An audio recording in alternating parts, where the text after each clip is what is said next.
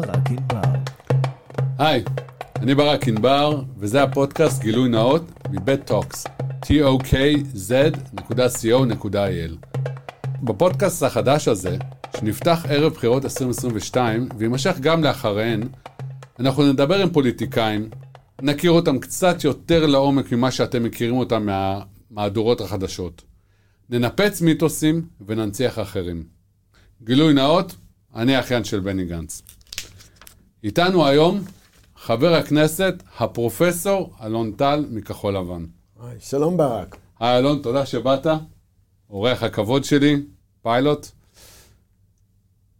בוא, מי אתה אלון טל? שאלה מצוינת.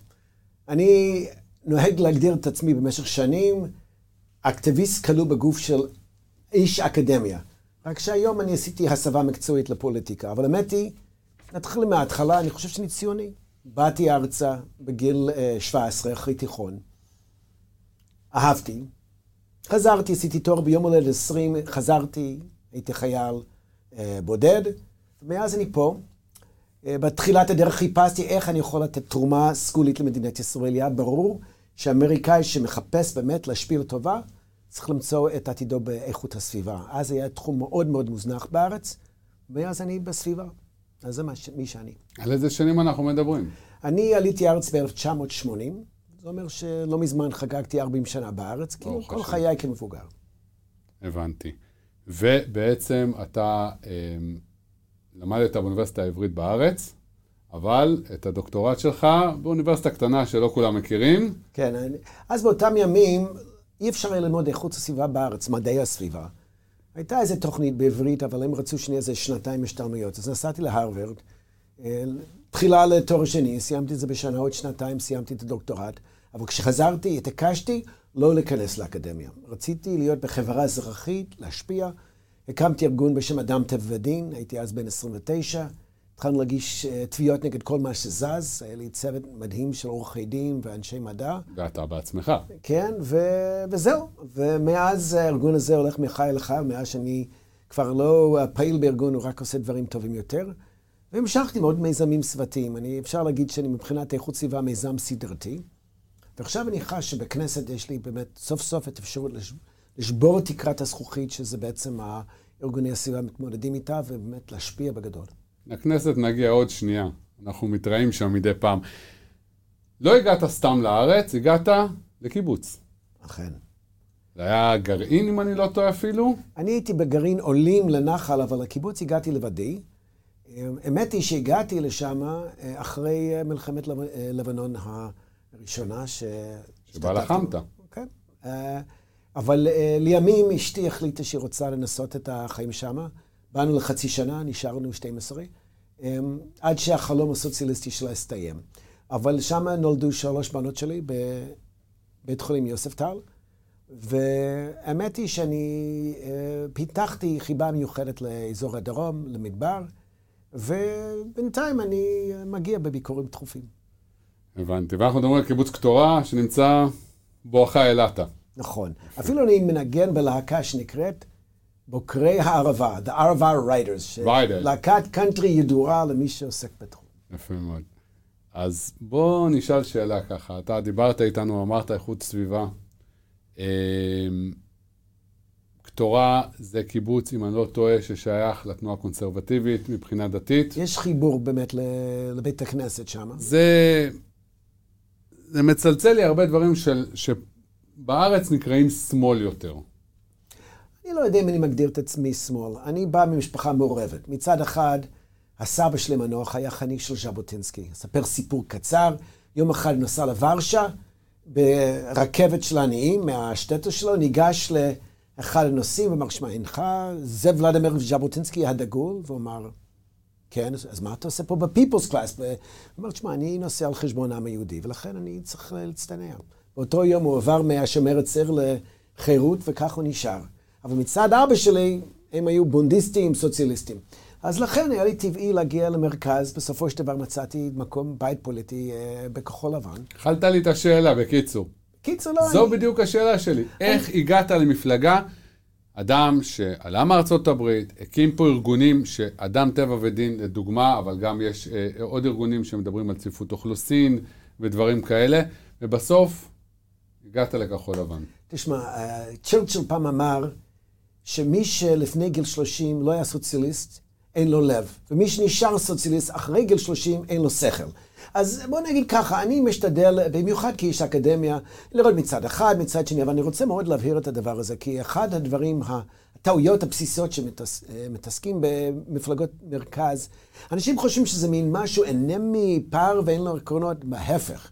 באנגלית יש ביטוי the muscular middle. אנחנו באים עם מחויבות מאוד גדולה לכל מיני נושאים, אם זה סקירת פערים חברתיים, זה יכול להיות ביטחון, אבל בניגוד לימין ושמאל, אנחנו לא כלום באיזה קונספציה. אני בוחר כל נושא לגופו של עניין, ויש לי את הזכות הזאת לא להיות באיזושהי אורתודוקציה שמחייבת לי לאמץ חבילה שלמה. כל דבר לגופו. אבל לא, אלון, למה כחול לבן? כאילו, אתה יודע, מפלגות המרכז היום נעות, קצת דתיים, קצת יש עתיד, קצת ליברמן.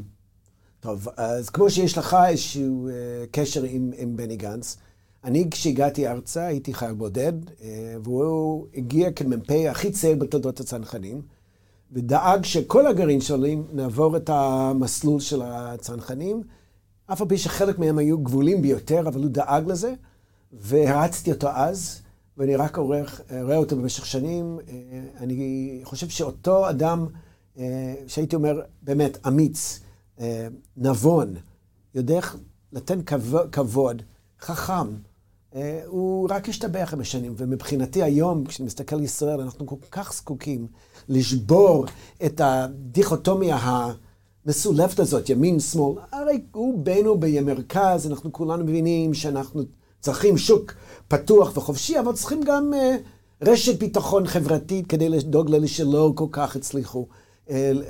ואנחנו מבינים שצריך לשמור על הסביבה וצריך לשמור על הביטחון.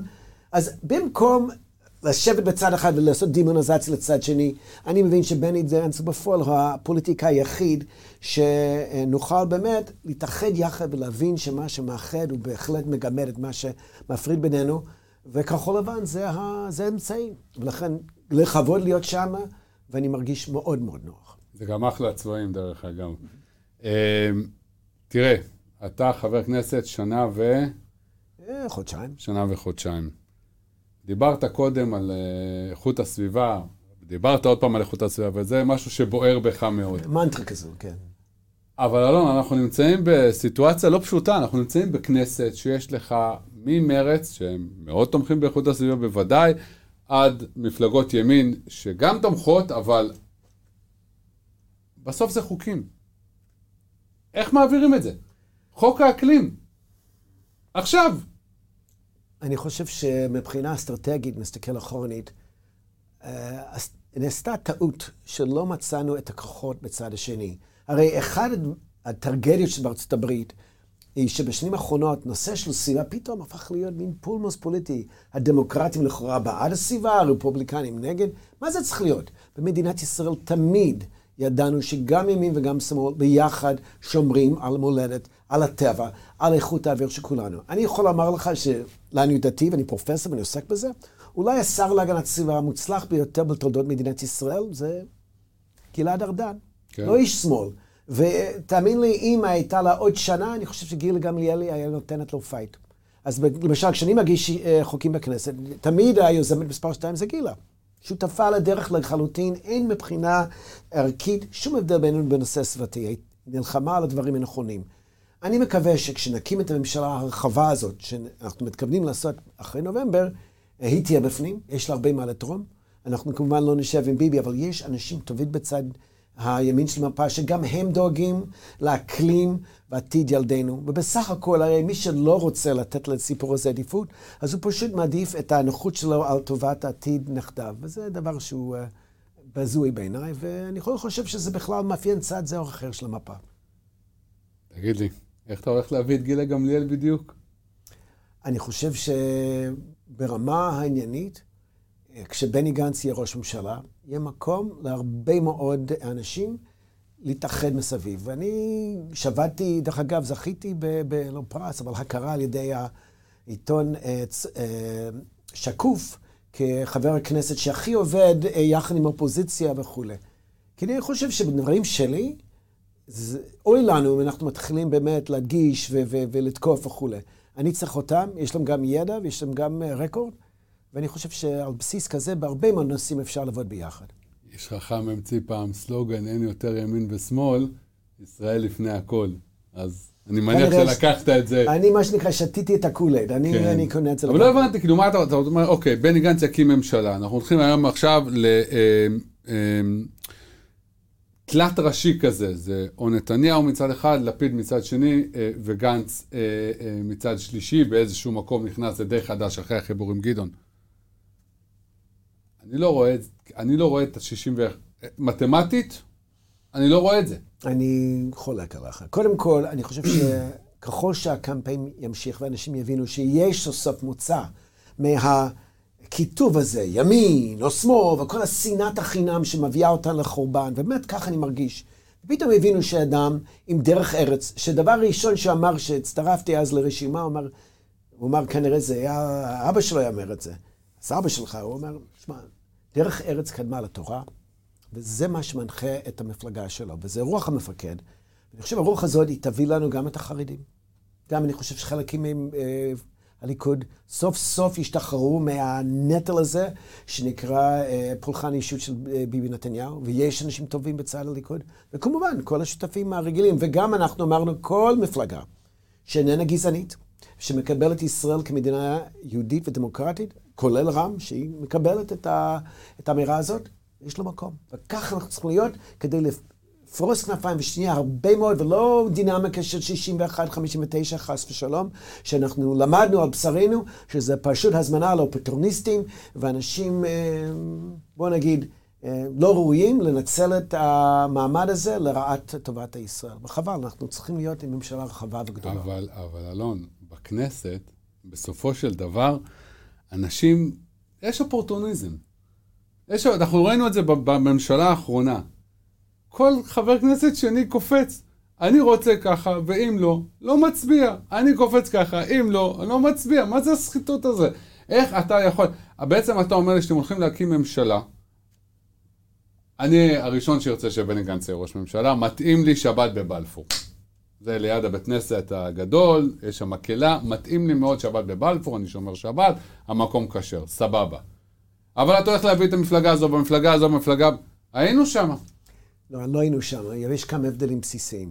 קודם כל, הסיכון של אה, יתרון זעיר במסגרת המאזן הפרלמנטרי הוא לא נחלתה של ישראל. תסתכל מה שקורה עכשיו בארצות הברית. 50-50, בא איזה מנשן משוגע אחד מווסט וירג'יניה, והוא מטרפד את כל תוכניות האקלים של ביידן. למה? כובע. כלומר, הפגיעות הזאת, ולכן אנחנו חייבים לעשות את זה רחב. אני לא, לא חושב שאנשים אה, בישראל מוכנים עוד בחירות ועוד בחירות, וזה משמעות של 61-59, זה יהיה רעוע. ולכן אני מקווה שגם, לא כל החרדים, כי אנחנו רואים גם אצלם יש ויש, אבל אלה שמוכנים להתמרכז, וזה הדבר הכי חשוב, כי מה שראינו, וזה הכישלון של ממשלת השינוי למרבה הצער, זה לא שהניסוי נכשל, מה שנכשל זה שאפשרנו. אפילו אפשר להאשים את בנט, שעשה עבודה טובה, אבל אפשר לקצוות להכתיב את האתון. ובמקום להכריח את כולם להתמרכז ולהיכנס לאותם 80 אחוז שכולנו מסכימים עליו, אנחנו נתנו לקצוות באמת לתת אטום, ולכן המגדל הקלפים הבאמת השביר הזה התמוטט. אתה חושב שחרדים יכולים להיות עם משמעת קואליציונית קצת יותר טובה מאשר השותפים הנוכחים? אני חושב שכל אחד יצטרך לחשוב על מה שחשוב לו. גם אני צריך לוותר. אבל בוא, אתה, בוא נשאל... אתה יודע כמה פעמים הרמתי יד על דברים שלא האמנתי בהם, אבל אתה חייב להחליט מה שחשוב. אחד הנושאים, שני הנושאים אולי הכי קשים שהחרדים מרימים דגלים אדומים מאוד, אחד זה חוק שאני לא מבין אותו כל כך, אבל סבבה, אני גם לא שותה את זה, אני שותה סודה. זה חוק המיץ הממותק, או קולה, או איך שתקרא לזה. והדבר השני קצת יותר נוגע לך. זה חוק החד פעמי. הם טוענים שהחוק הזה נעשה על ידי הקואליציה לפגוע בהם. אני במקרה השתתפתי השתתפות ערה באותו דיון בוועדת כספים, והסברתי לחבריי, חברי הכנסת החרדים, שחוק המס על חד פעמי בא לשחרר ציבור מאוד גדול של חרדים, בעלי משפחות גדולות, שמוציאות 1,500 שקל לשבת, על החד פעמי, 1,000 שקל לשבת. בדיוק כמו המס על סיגריות הצליח לשחרר הרבה אנשים שהתמכרו לסיגריות, וזה נתן להם את הדחיפה, הרי מה זה? זה נקרא מס פגוביאני.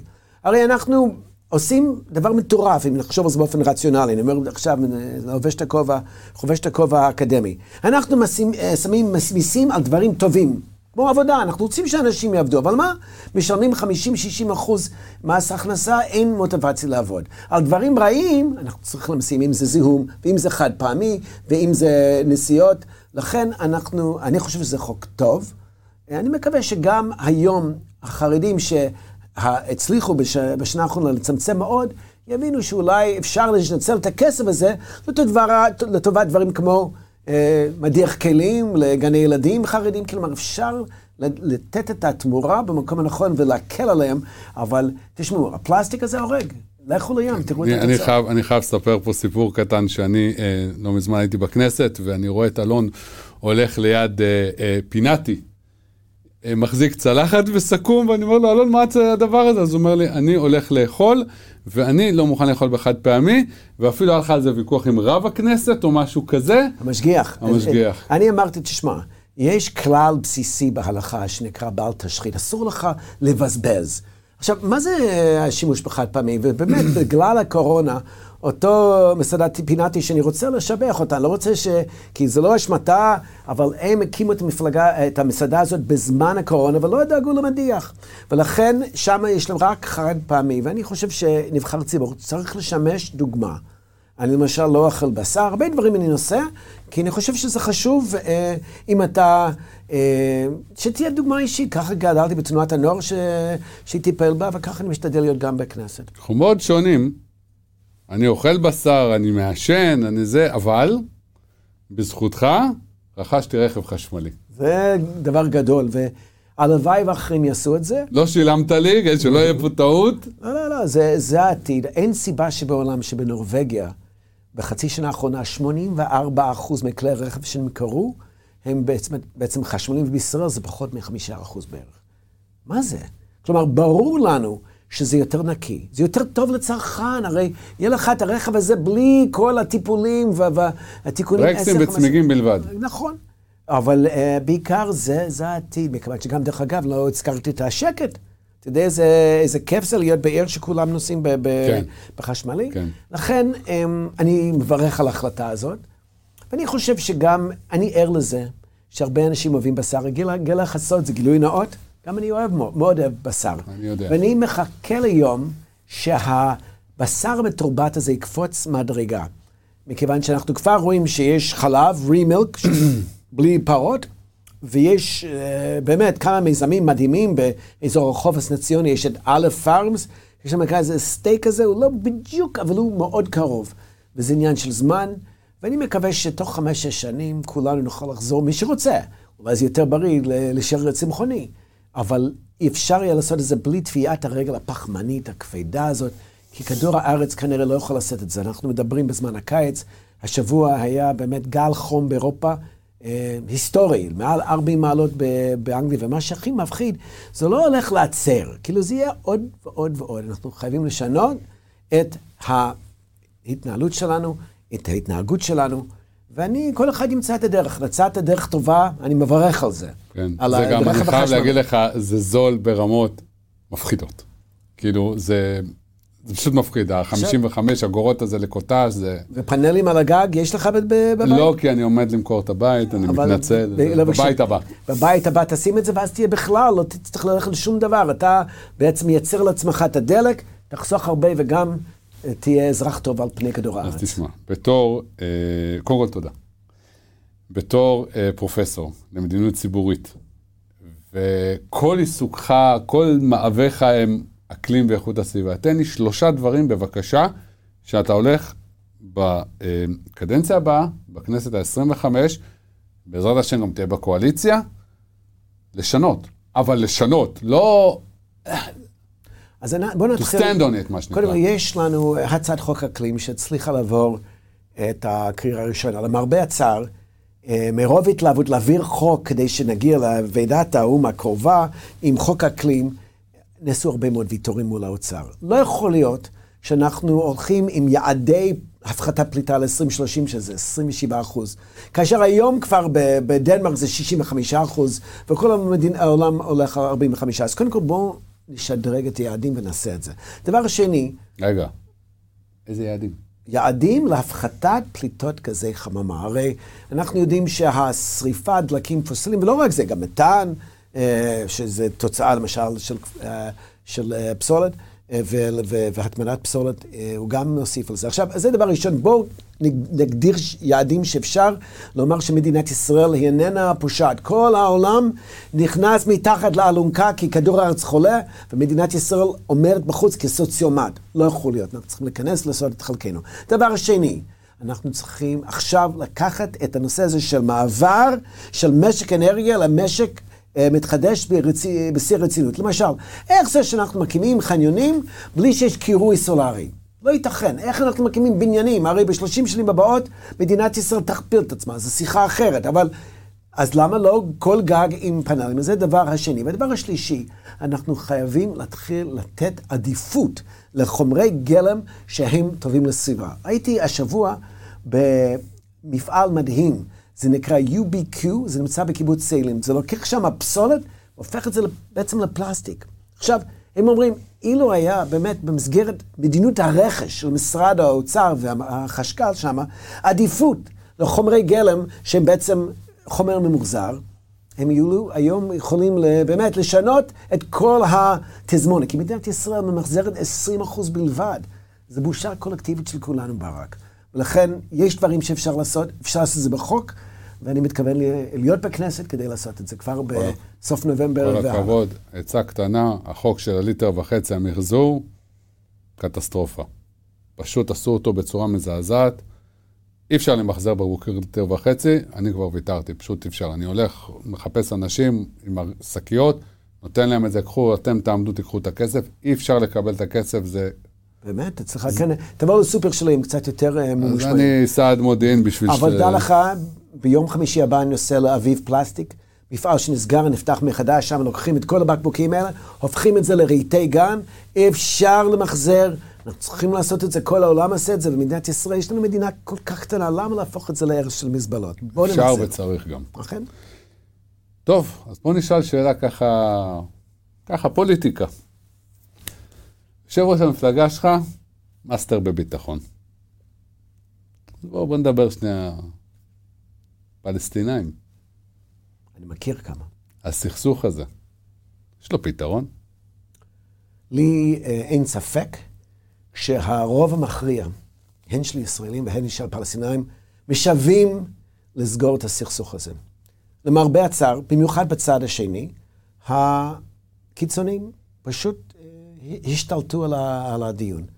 פעמיים בהיסטוריה של ישראל, באנו עם הצעה מאוד נדיבה, פעם בקאמפ דיוויד, ופעם השנייה, תקרא את האוטוביוגרפיה של קונדליסה רייס, איך אהוד אלמר בא עם תוכנית מאוד נדיבה, נסע ישירות לאבו מאזן, יאללה, קח את זה, הוא מציע לכם 95 אחוז של, ה... של יהודה ושומרון.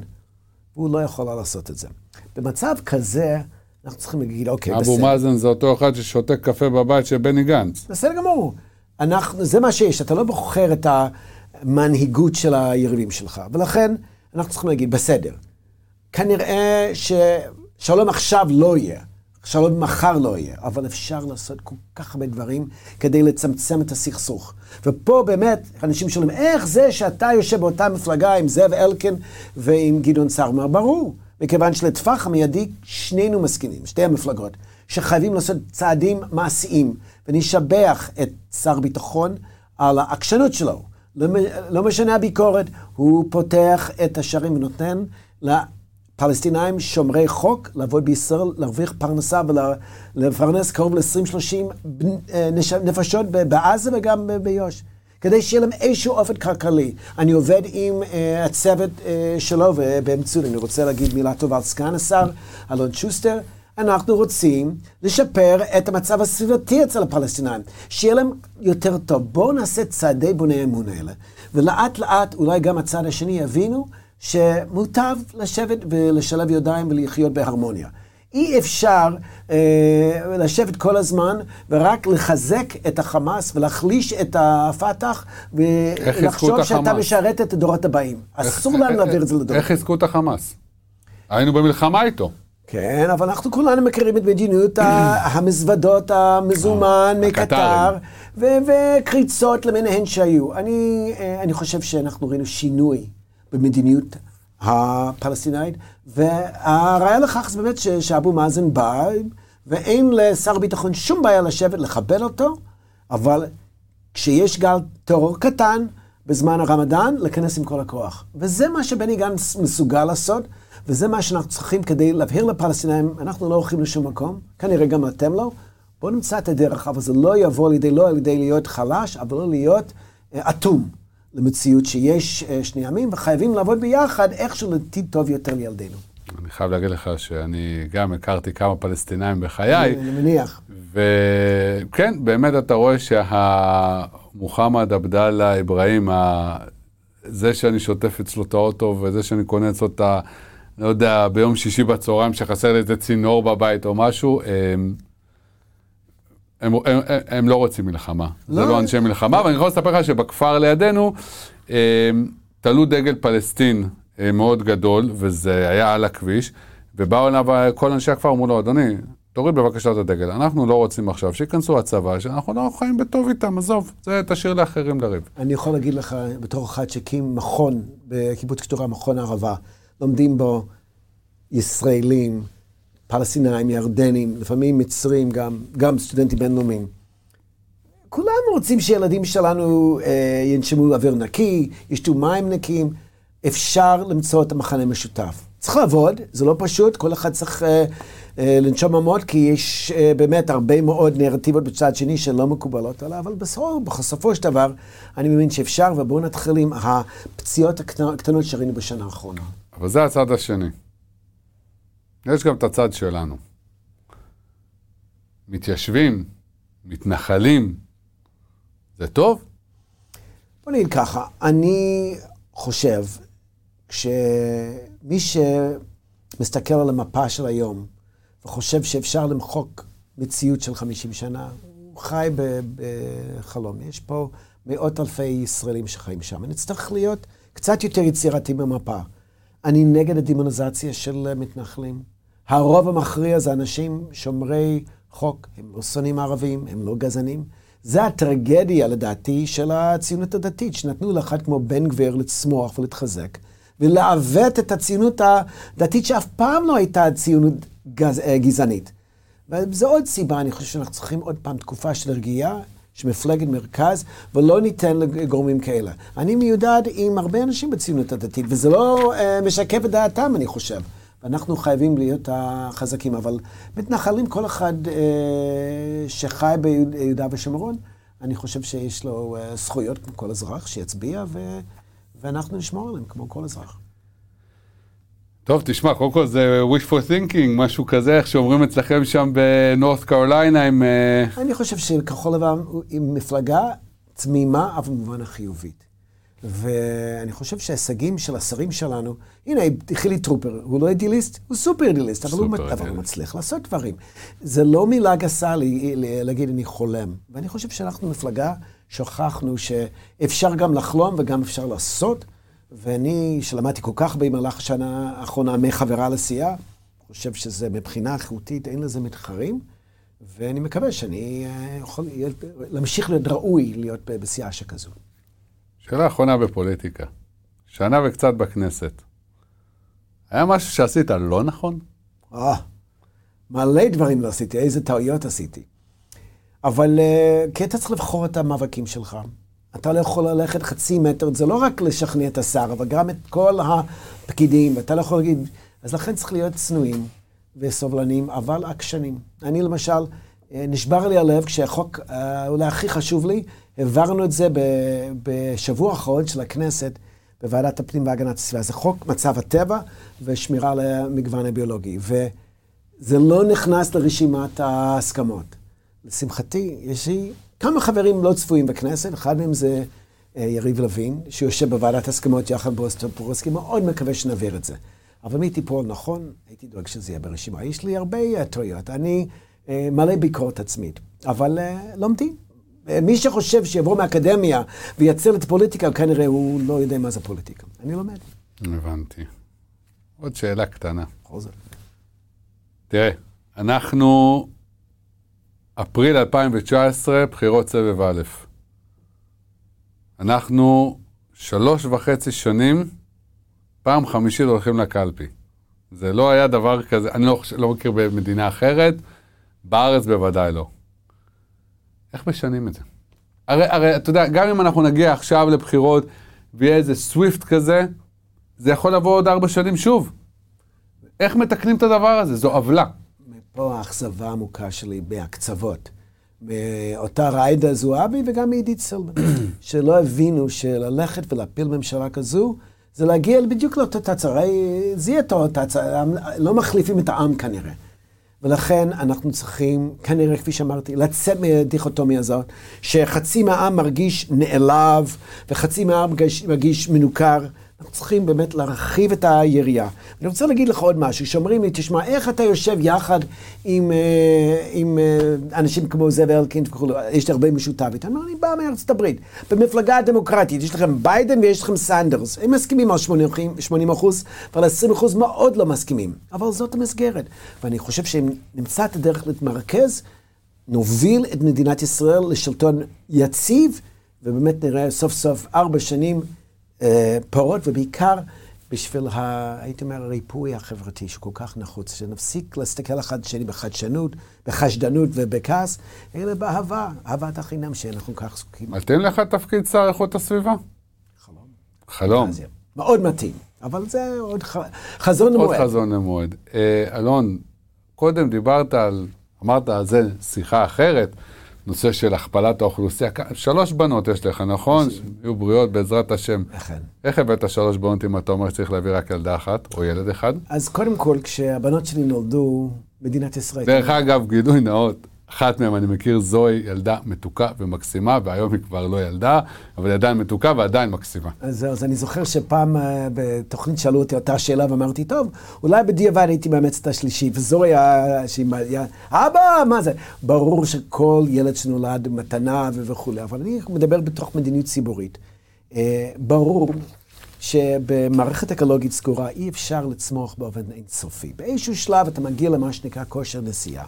שאלה אם אנחנו נשלוט בתהליך הזה, זה כן או לא. אני לא רוצה, ומנסים לעוות את מה שעמדתי, אני נגד כפייה, אני לא רוצה אה, להגביל לאף אחד ילודה, אבל אני כן רוצה שהמדיניות הזאת תבין שהיעד הלאומי צריכה להיות יציבות. אנחנו כבר מדינה הצפופה ביותר במערב. עוד עשרה מיליון אנשים לא בהכרח ישפר לנו את איכות, איכות החיים. למעשה אפשר לומר שכמות החיים מתחילה לאיים על איכות החיים. אז בואו נדבר על זה. כמה אנשים אנחנו רוצים? 100 מיליון אנשים פה? 80 מיליון? בואו נדבר כדי שנוכל להבטיח שבעוד 50-60 שנה ארץ ישראל תהיה באמת עדיין מקום שכיף לחיות בו ובריא לחיות בו. או שנהיה כמו סין. ש... אנחנו לא רוצים להיות סין. סין זה מקום שבאמת אה, דורס על זכויות אזרח. הייתי שם קיץ שלם, לימדתי שם באוניברסיטת רנמין בבייג'ינג. אין לי שום רצון להיות דומה לסין. אני רוצה להיות... מדינת ישראל. לפני סיום, אלון, שרטוט קטן, אמרת, אתה לא רוצה קיצונים. מה זה קיצונים? אחמד טיבי הוא קיצוני? כן, אני חושב שחלק מהעמדות שלו קיצוני. אני לא, אני חושב שבמקום לעשות את זה פרסונלי, אני מעדיף להגדיר את זה, לאפיין את זה, ואז נראה. הוא אדם נורא מצחיק. לא, יש לו יתרונות, לא. גם אומרים שהוא גנקולוג לא רע, אבל זה לא השאלה. אומרים שהוא גנקולוג, אבל הוא לא סיים התמחות. אה, זה לא ידעתי, אוקיי, אז אני... היה שם סיפור של מכות או משהו. אז אני אדאג שאצלי במשפחה לא יהיה... לא, כן. בינינו. אני חושב שמה שאני מחפש בישראל בנושא הזה, כמו שאני גדלתי בארצות הברית, והבנתי שאני רוצה כיהודי, כמיעוט, להיות עם כל הזכויות וכל החובות. כך אני מצפה מהאזרחים הערבים. ברגע אני מדינה יהודית, דמוקרטית, ואני רוצה את כל הזכויות ועל כל החובות, ברגע שמגיעים לעמדה כזו, המקום פתוח. ומבחינת הימין, כל מי שאומר, אני חושב שאני רוצה שהיות והוא לא אה, יהודי, אין לו זכויות, ואני לא רוצה שהוא ייכנס לבית חולים הזה, לא יקבל את אותם שירות, אין לו מקום אצלי. כן, אבל תראה, בוא, בוא, שנייה אחת. היום, יום ראשון. אנחנו, במקרה השבוע פורסם אה, סרטון נורא מצחיק של אה, בן גביר בשוק מחנה יהודה.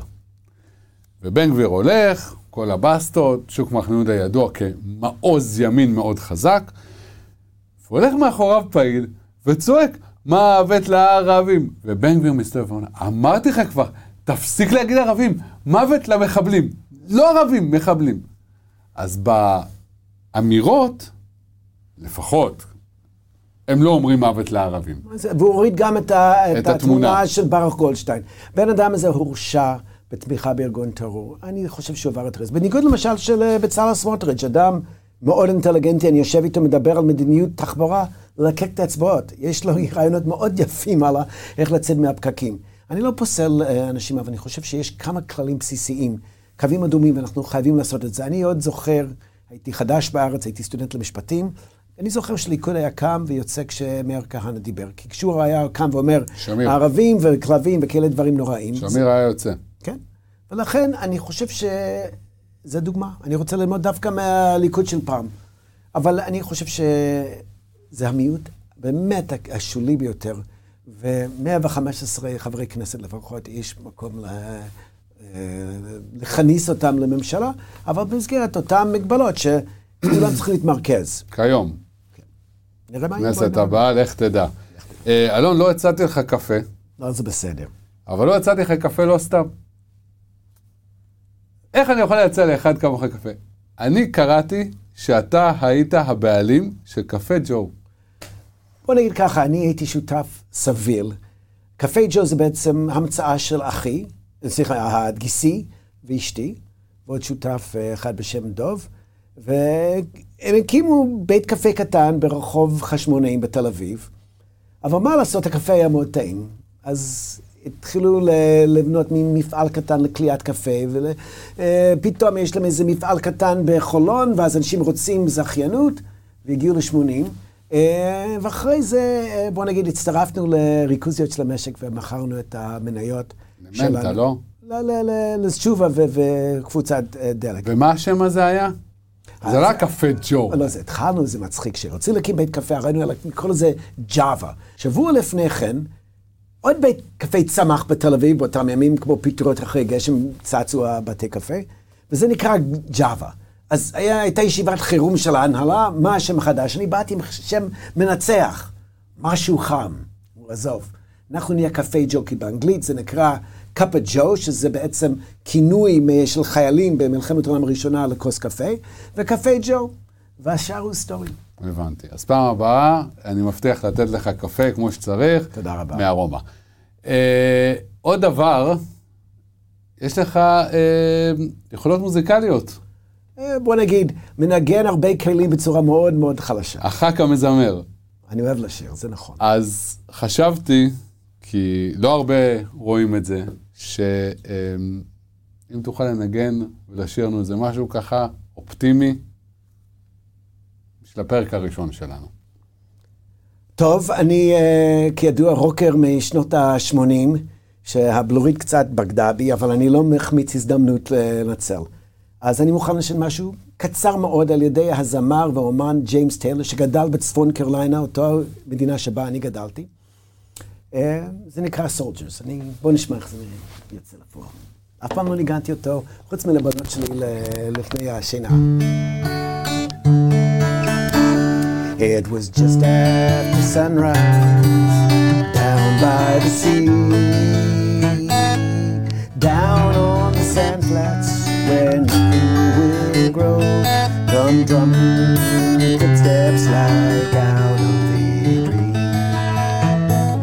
where the golden green waters come in. Just nine lucky soldiers have come through the night half of them wounded and barely alive.